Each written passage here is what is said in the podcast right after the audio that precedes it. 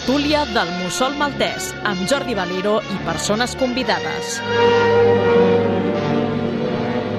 Bienvenidas y bienvenidos a la tertulia número 6 del Mussol Maltés, hoy dedicada al Noir Made in Japan y que tendrá una segunda parte la semana próxima.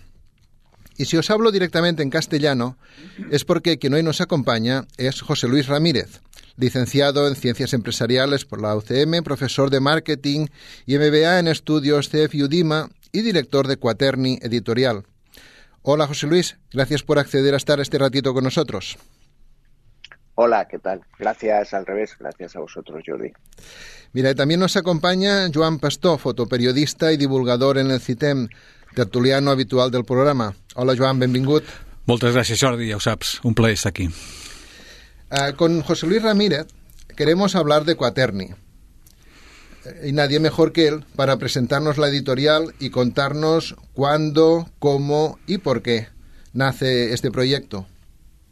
José Luis, tú mismo. Bueno, cuando nacemos en el año 2008. Eh, ¿Por qué? Porque nosotros nos dedicábamos al mundo del libro de muchos años atrás. Lo que ocurre que trabajábamos en, no, en, no, no publicábamos eh, literatura, lo que publicábamos anteriormente era libro técnico. Eh, salimos de la anterior empresa y decidimos eh, pues, eh, tocar otros temas. Y bueno, lo que digo siempre en este tipo de entrevistas, pues eh, hay una respuesta oficial y una que es la verdadera. La oficial sería decir que, que como dicen muchos editores, que tenemos un olfato eh, espe espectacular y, y, entonces pues vimos que había un nicho de mercado en, la, en, la, en cuanto a la literatura japonesa. Pero la realidad, y yo pienso que así, así ocurre en la mayoría de, los, de las ocasiones, es que es realmente el público el que te ubica en el mercado. Tuvimos la suerte de sacar un libro que sí era japonés, que es Musashi, que a día de hoy sigue siendo nuestro libro más vendido, y vimos que no solo había mucha demanda de ese Musashi por ser la historia del samurái más famoso de Japón y demás, sino que además el, empezamos a, a, tener un público, una gente se dirigía, se dirigía a nosotros y nos pedía más cosas japonesas y a partir de ahí pues eh, seguimos adelante. Ya os digo que la, la, versión oficial la habréis escuchado, estoy seguro, muchas veces cuando entrevistáis, es el olfato del editor. Mm. En este caso pues voy a desmitificar un poco y, y no es así. Al final es, es, el mercado el que, o la gente, los lectores y lectoras los que te ponen en tu lugar realmente. Y me, pre, me decías cuándo, eh, con, bueno, creo que he respondido a todo. Sí, no sé si me has, falta has dicho el 2008. El, el, bueno, tampoco es un, es un interrogatorio ni es un ni es un test a seguir, o sea que más que nada era para entender un poco vuestra, vuestro nacimiento, ¿no? ¿Crees que Mm. el hecho de que en los últimos años, pues claro, estás hablando de a partir de 2008, en estos 14 años, el, el hecho de que haya aumentado el consumo y el, el interés por la comida japonesa, aunque, aunque esté relativamente menospreciada, ¿no? Porque está centrado solo en el sushi y se pierde gran, gran parte de, de su de su oferta, pero ¿crees que va, va pareja un poco el, el, hecho del interés por la novela japonesa, la, por la comida japonesa, o, o, no tiene nada que ver? Sí, yo creo que sí. Hay mucho eh, despierta por lo que por las por las circunstancias que sea. Es cierto que Japón como lugar ex, como país exótico despierta mucho interés y todas sus todas las cosas que son muy japonesas despiertan mucho interés. Lo como decimos nosotros estas cosas frikis que solo ves en Japón, que hay gente aquí en España que que le gusta mucho. La comida japonesa, que era hasta hace 15 años, era prácticamente, o 15, 20 años prácticamente desconocida aquí, y ahora hay un boom de restaurantes eh, japoneses y asiáticos en general. Y luego también nosotros eh, pensamos que, que, ha hecho, en este sentido, ha hecho mucho bien el manga, porque de siempre ha habido mucho lector de manga que a medida que madura pues quiere conocer un poco más en profundidad Japón y, y sale del manga y toca otras temáticas literarias.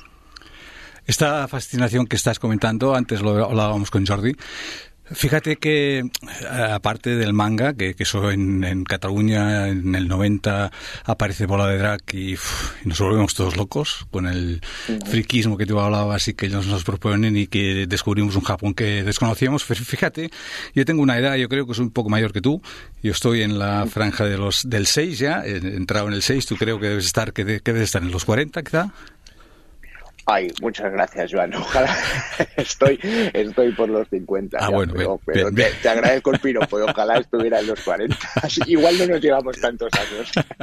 Bueno, pues yo me acuerdo, me acuerdo de, esta fascinación que ha habido siempre con Japón, con un, y soy, siempre estoy aquí con el tema de la música y siempre le doy vueltas a la música. Eh, me acuerdo perfectamente de un, no sé si te acordarás de Deep Purple, un Made in Japan, que se hizo famosísimo en todo el mundo, que de pronto descubrimos en el 72 que había una, gente en Japón que hacía rock también y que además le fascinaba nuestra música y todos los grupos eh, fuertes, like Zeppelin, King Crimson, etcétera, tuvieron la obligación casi de hacer un live in Japan en, en aquella época, digamos, ¿no? En el sentido de que había como esa fascinación que siempre se ha dado. Además, eh, recuerdo también ya para, para cerrar que en Osaka, donde se hizo el Made in Japan de Deep Purple, Davis cierra su Miles Davis cierra su temporada eléctricas que empezó el 69 con de una manera silenciosa y lo cierra con dos discos un día de febrero como como este mes que además como él se retiró después de, de, hacer estos dos discos graba por la mañana Agartha que es un pedazo de disco y por la tarde hace Pangea una grabación que tiene dos temas de 40 minutos cada uno, uno que se llama Zimbabue y el otro que se llama Gumbwana. En Zimbabue ya um, vaticina lo que va a ser el punk, porque es un disco, es un tema duro, ácido, y en la segunda cara, el, digamos, el de Gondwana hace un homenaje ya a un continente que es Gondwana, donde venimos todos, y hace un homenaje, digamos, a la naturaleza y avanza ya lo que sería la New Age, que a partir, a partir de los 80, pues eh, gente como George Winston, como Paul Winter, etcétera, hacen ese tipo de música New Age para, para digamos, de, relax y, y, con la naturaleza. Y eso Davis comentaba que le inspiró mucho Japón por esa mezcla que tienen de la cultura milenaria con lo más nuevo, y esa forma que tienen de ver que es muy diferente. De hecho, el disco este que, estoy comentando, Pangea, se editó solamente en Japón y allí tuvo un éxito tremendo, digamos. O sea, ellos siempre han, han sabido mm, ver de nuestra cultura cosas que nosotros mismos apreciamos, ¿no? ese, ese friquismo que tú dices, esa subjetividad ha sido siempre muy fuerte hacia Occidente. ¿Cómo lo ves? Sí, sí, estoy totalmente de acuerdo contigo. Y ya, eh, así, tal y como lo dices tú, o hubo una época que posiblemente sea, como dices, no solo a nivel musical, sino también es cuando llega los primeros animes acá a España a finales de los 60, principios de los 70, que nos empapamos eh, eh, todo de Japón y entonces empieza a descubrir Occidente o a redescubrir o a descubrir un poco más en profundidad Occidente a Japón y entonces eh, muchos artistas, no solo músicos, muchos músicos, como decías tú, y muchos artistas de todo, de todo tipo empiezan a viajar allá. Yo tengo como anécdota el, antiguo, para que fije, para que os fijéis hasta qué, qué punto es así, el antiguo conserje de mi finca, que era anteriormente, había sido guitarrista flamenco, de los que había aprendido a tocar de oída y conocía Japón como la palma de su mano de tanto tiempo como estuvo haciendo allí bolos. O sea que hubo una época en la que todo el mundo iba allí y a la vez nosotros recibíamos mucho de, su cultura y de ese exotismo del que hablábamos. El hecho de que esta gente viva de forma distinta, decía en el fascículo que hace también que sientan de forma distinta. Por eso su, su novela policíaca es, tan distinta a la nuestra. En vuestro catálogo, ¿qué porcentaje tenéis dedicado a la novela, a la novela negra japonesa, a la novela policíaca y de misterio? Pues yo diría que es posiblemente el segundo género que más demandan los lectores y pues rondará aproximadamente el tal vez entre el 20 y el 30%. Eh, y es así no solo, en este caso sí que no solo por lo que piden los lectores, que es sobre todo novela policíaca, más, más que negra, porque hay una, línea un poco más difícil o un poco más complicada de diferenciar en el caso de la literatura oriental y la japonesa, eh, también, como os decía, no solo en este caso porque lo pidan los lectores, sino porque es uno de nuestros géneros favoritos y siempre que encontramos algún libro que merece ser la, merece la pena ser traducido, pues intentamos comprar los derechos. Pues mira, vamos a hablar de, títulos en concreto. En el, en el fascículo hablaba de, de Miyuki Miyabe, que vosotros tenéis publicado El susurro del diablo y La sombra del kasha, que son tal vez las más, las más conocidas. No hablé de RPG, juego de rol, porque este título lo guardo para, para otro fascículo, pero en Miyuki Miyabe tenéis realmente un, un, puntal. O sea, ¿cómo, ¿cómo os interesasteis por su obra ¿Y, cómo, qué tenéis pensado cómo tenéis pensado evolucionar su, su publicación? Bueno, cuando, como os comentaba antes, cuando empezamos a ver que, los, el, que el público demanda eh, literatura japonesa, pues empezamos a buscar autores. Y el primer autor que, que salió en 2000, 2008, yo creo que si buscásemos ahora sería parecido, es Miyuki Miyabe, que en Japón es una autora superventas que arrasa con, con, todo lo que hace. Además, es una autora muy, prolífica que ha publicado eh, numerosos libros. Eh, em, empezamos a investigar eh, cosas sobre ella y descubrimos que allí tenía la consideración de Stephen King, que es considerada el, el Stephen King japonés, y decidimos hacernos con los derechos. Y contratamos en aquella, ya os digo, pues justo en 2008, cuando empezamos a publicar cosas japonesas, contratamos cuatro libros, los dos que has mencionado tú y un, el, que dices que ibas a hablar en un próximo fascículo RPG y un cuarto que es eh, Crossfire eh, Fuego Cruzado. Y trajimos los cuatro libros a España con mucha ilusión porque pensábamos que era que una autora que vendía tantísimo allí, que además tocaba distintas temáticas, porque lo cierto es que no solo escribe novela policíaca o de terrores, que escribe de todo. Eh, y trajimos, eh, que nos recordar además otros dos, eh, un libro infantil suyo que es Brave Story, que, que, había también arrasado en, Japón y este Brave Story infantil, como os digo, incluso en Estados Unidos. Y el caso es que no funcionó como, como esperábamos, no tuvo la acogida aquí como esperábamos y de momento es una autora pues que hemos publicado en el catálogo que a nosotros nos gusta mucho y que nos gustaría seguir publicando libros suyos pero lo cierto es que no, no tenemos nada previsto para los próximos meses porque, como os digo, no funcionó todo lo bien que nosotros pensábamos que debía funcionar. Eh, entonces, o sea, ¿tenéis algún autor o autora de, novela policíaca que sí esté funcionando mejor ahora mismo o, están todos en, en, en la misma línea?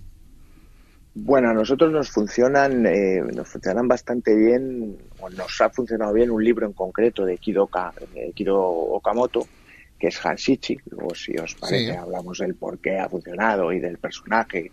Pero el, autor que en novela policial el autor que mejor nos funciona, del que seguimos haciendo, tenemos ahora en este año, vamos a sacar un nuevo libro, es de Seishi Yokomizu. Eh, Seishi Yokomizu es el, el, el, Agatha Christie japonés y tiene un personaje que es, que es muy similar a Hércules Poirot, que es eh, Kosume Kindaichi. Y es, eh, es una novela policíaca clásica de averiguar quién es el asesino y de seguir los pasos a este, a este investigador que tiene un montón de, de peculiaridades y es son novelas muy dinámicas, muy entretenidas y como os digo, pues esta es, novela negra clásica de averiguar quién es el asesino y los motivos. Y es en la actualidad es de autor de novela negra es el que mejor vendemos nosotros. ¿Tiene, ¿tiene adaptación a anime?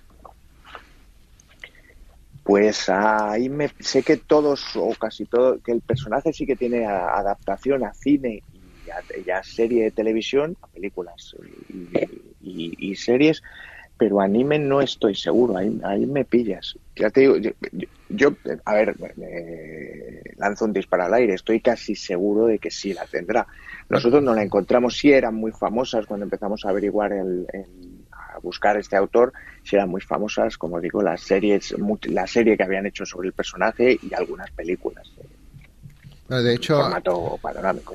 sí, de hecho en, en, Japón todo lo que es eh, manga, literatura, anime y, cine real life está todo como muy muy integrado, ¿no? Cuando una cosa funciona mm, y el merchandising además, ¿no? Se, se, extiende como, una mancha de aceite, se extiende por todas partes, ¿no? José Luis, eh, mirando vuestra página web, eh, he visto que tenéis un blog, mm, digamos que, proponéis que la, que la gente participe con anime, con novela negra, con, ¿cómo funciona? ¿Cómo va? Mm. ¿Cómo, hay, ¿Hay bastante participación o cómo, cómo, va ese tema? Bueno, te cuento, esto es una, diría que casi es una primicia para vosotros, porque es algo que no, no hemos presentado oficialmente. Ah, es, es, una novedad y os, os cuento un poco. Bueno, eh, como hemos, habíamos detectado a lo largo de estos últimos tiempos, pues que lo que a nosotros, lo, que reunimos es una comunidad de gente al que, a la que le gusta eh, la novela japonesa. Y como decía antes, con mucho acierto Jordi, es que a la gente que le gusta la novela japonesa parece que como que tiene conexión con todas otras con todas las otras cosas de Japón, pues con la comida, con el anime, con, el cine y como, como la gente que cuando viene en, los sitios en los que estamos presencial, de manera presencial, pues este fin de semana hemos estado, por ejemplo, en el Japan Weekend aquí en Madrid. Y la gente cuando viene a hablar contigo es que es gente que le gusta todo lo que rodea a Japón. Entonces, llevábamos tiempo dando vueltas a la idea de crear un blog, un foro en el que reunir a esta comunidad de frikis como somos nosotros, en el mejor sentido de la palabra, o gente que le gustan las cosas raras, y la estamos desarrollando. Entonces, eh, no tiene ni, vamos, no tiene ni una semana de, de vigencia la página y, como os digo, ni está presentada ni, ni hemos hablado todavía de ella, pero queremos reunir a todos los que nos gusta esto, Japón y el lejano oriente en general, pues en, torno a nuestros gustos y abrir debates sobre las cosas que, que a lo mejor no, los demás no conocemos y que creemos, en opinión de toda la comunidad, que no nos debemos perder. Lo, digo porque además, fíjate que en el Salón del Manga que se hace aquí en Barcelona, digamos, uno de los, cuando tú vas por ahí, eh, una de las cosas que más te sorprende es la, bueno, todos van disfrazados de, de, sus, eh, digamos, protagonistas de, de, los anime favoritos, ¿no?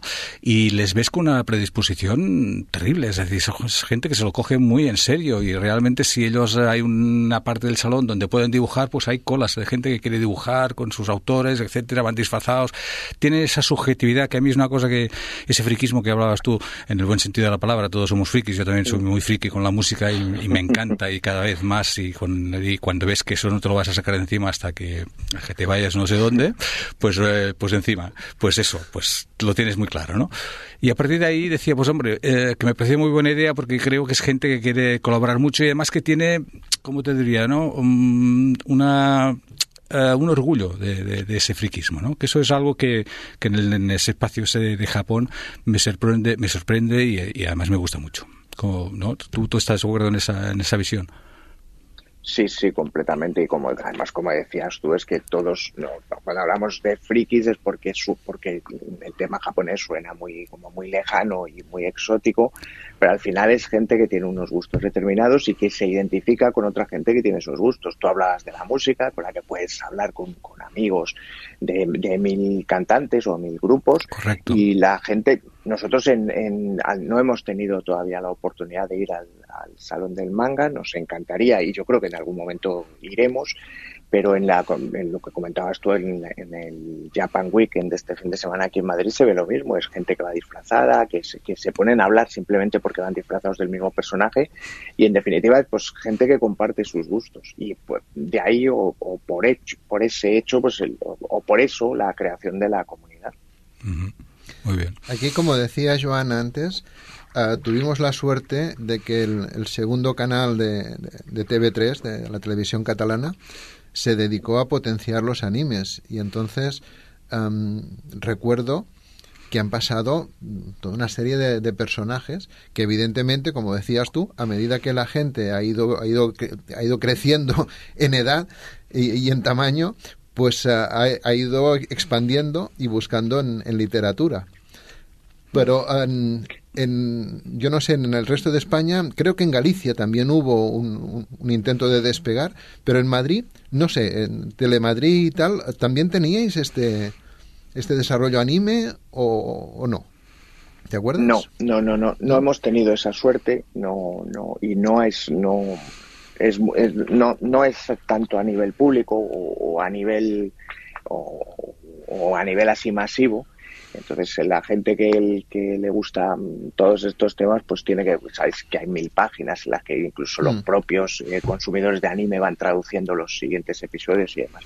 No hemos tenido la suerte, pero según hablabas, Jordi, yo pensaba, es que posible, yo, como hablábamos antes de la edad, yo soy de principios de los 70 y, y cuando, cuando, cuando, cuando, hablaba, cuando hablabais ahora, estaba pensando que posiblemente mis, o sea, yo si miro a mis hijos, pues o a mis sobrinos, pues sus superhéroes son el Capitán América o Superman o Spiderman.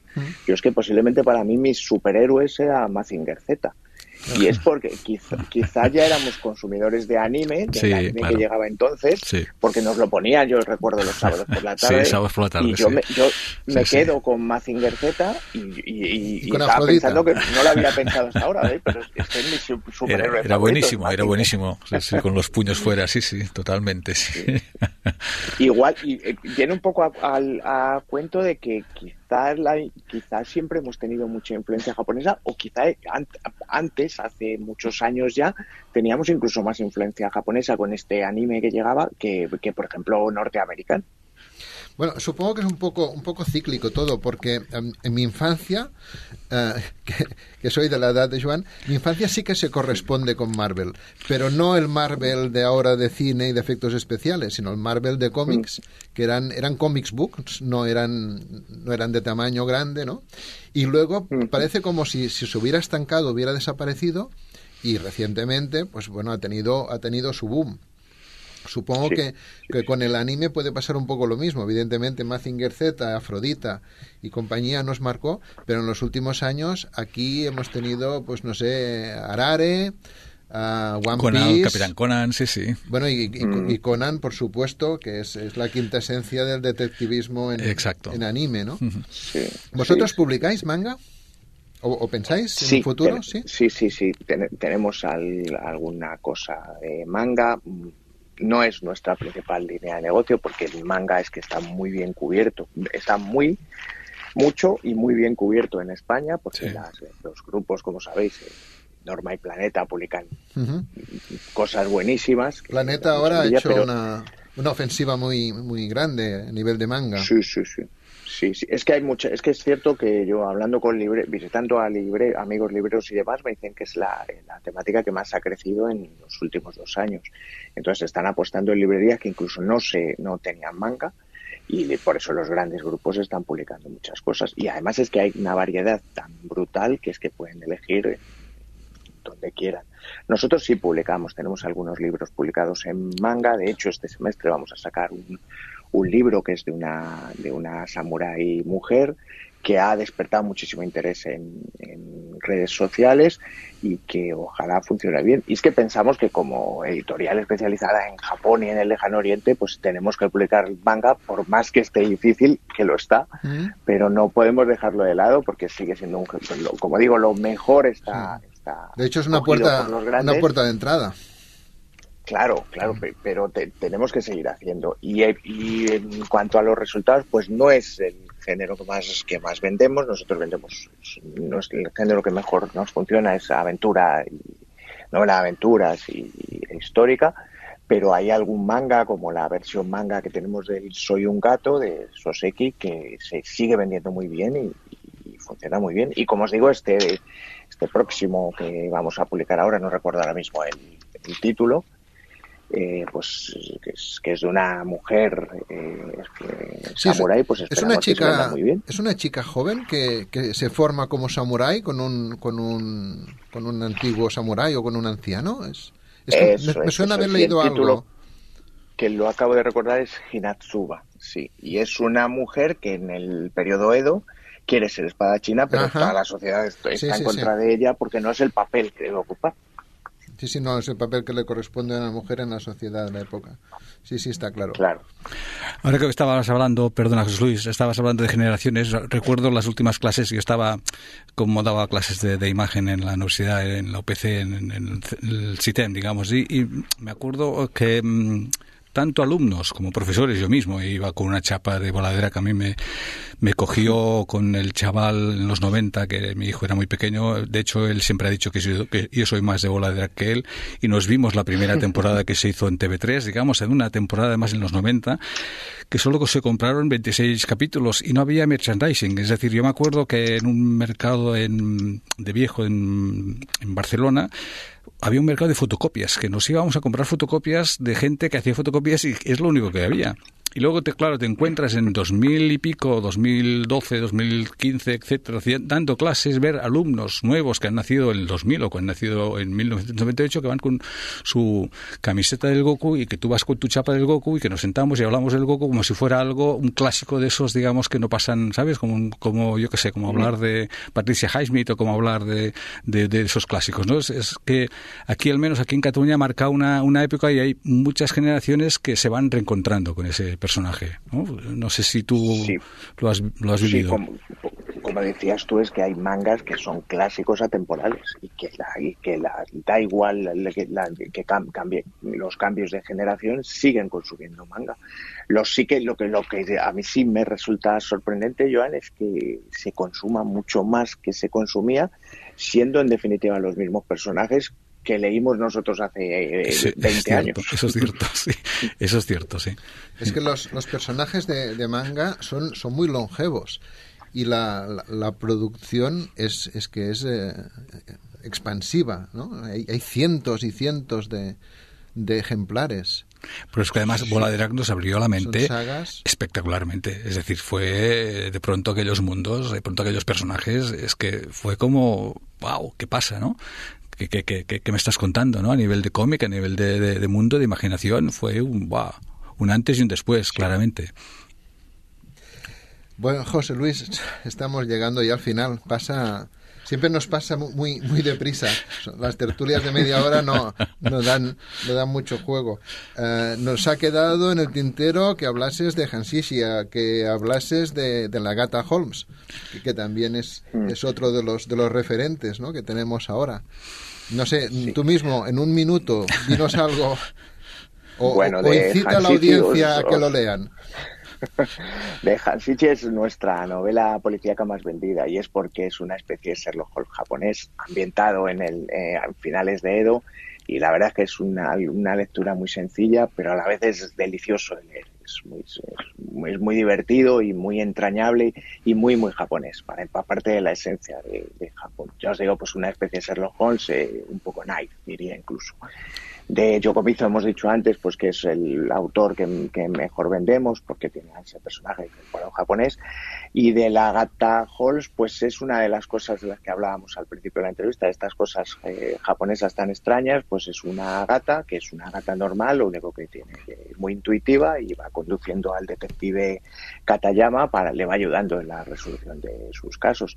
Tenemos publicados eh, tres libros y la gente que los, los lectores nos dicen que a cuál es más es más divertido, siendo una novela completamente policíaca, completamente realista.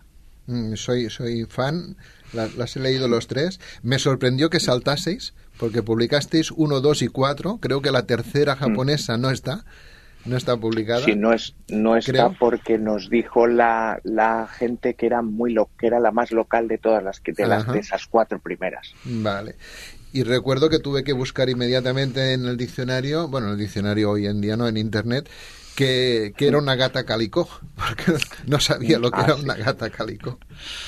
Pues mira, te diré como anécdota que nosotros tampoco lo sabíamos en la primera entrega y por eso la imagen de la gata no es de una gata calicó en, la, en los misterios y ya sí en la mansión de, en la mansión y en la rapsodia. Muy bien, José Luis, pues vamos a dejarlo aquí. Ha sido un placer tenerte con nosotros y, bueno, confío como que vamos repitiendo eh, temáticas, aunque no contenidos, pues si el año que viene vuelve a haber Sakura Matsuri aquí en Sabadell y volvemos a dedicar todo un mes de, fascículo y de tertulias a, a la literatura japonesa, pues si te parece te volvemos a contactar.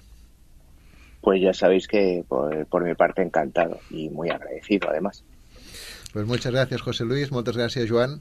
Muchas gracias. Muchas gracias, José Luis. Y a todos los que nos estén escuchando, a todos los oyentes, os emplazamos para la próxima tertulia y los próximos fascículos.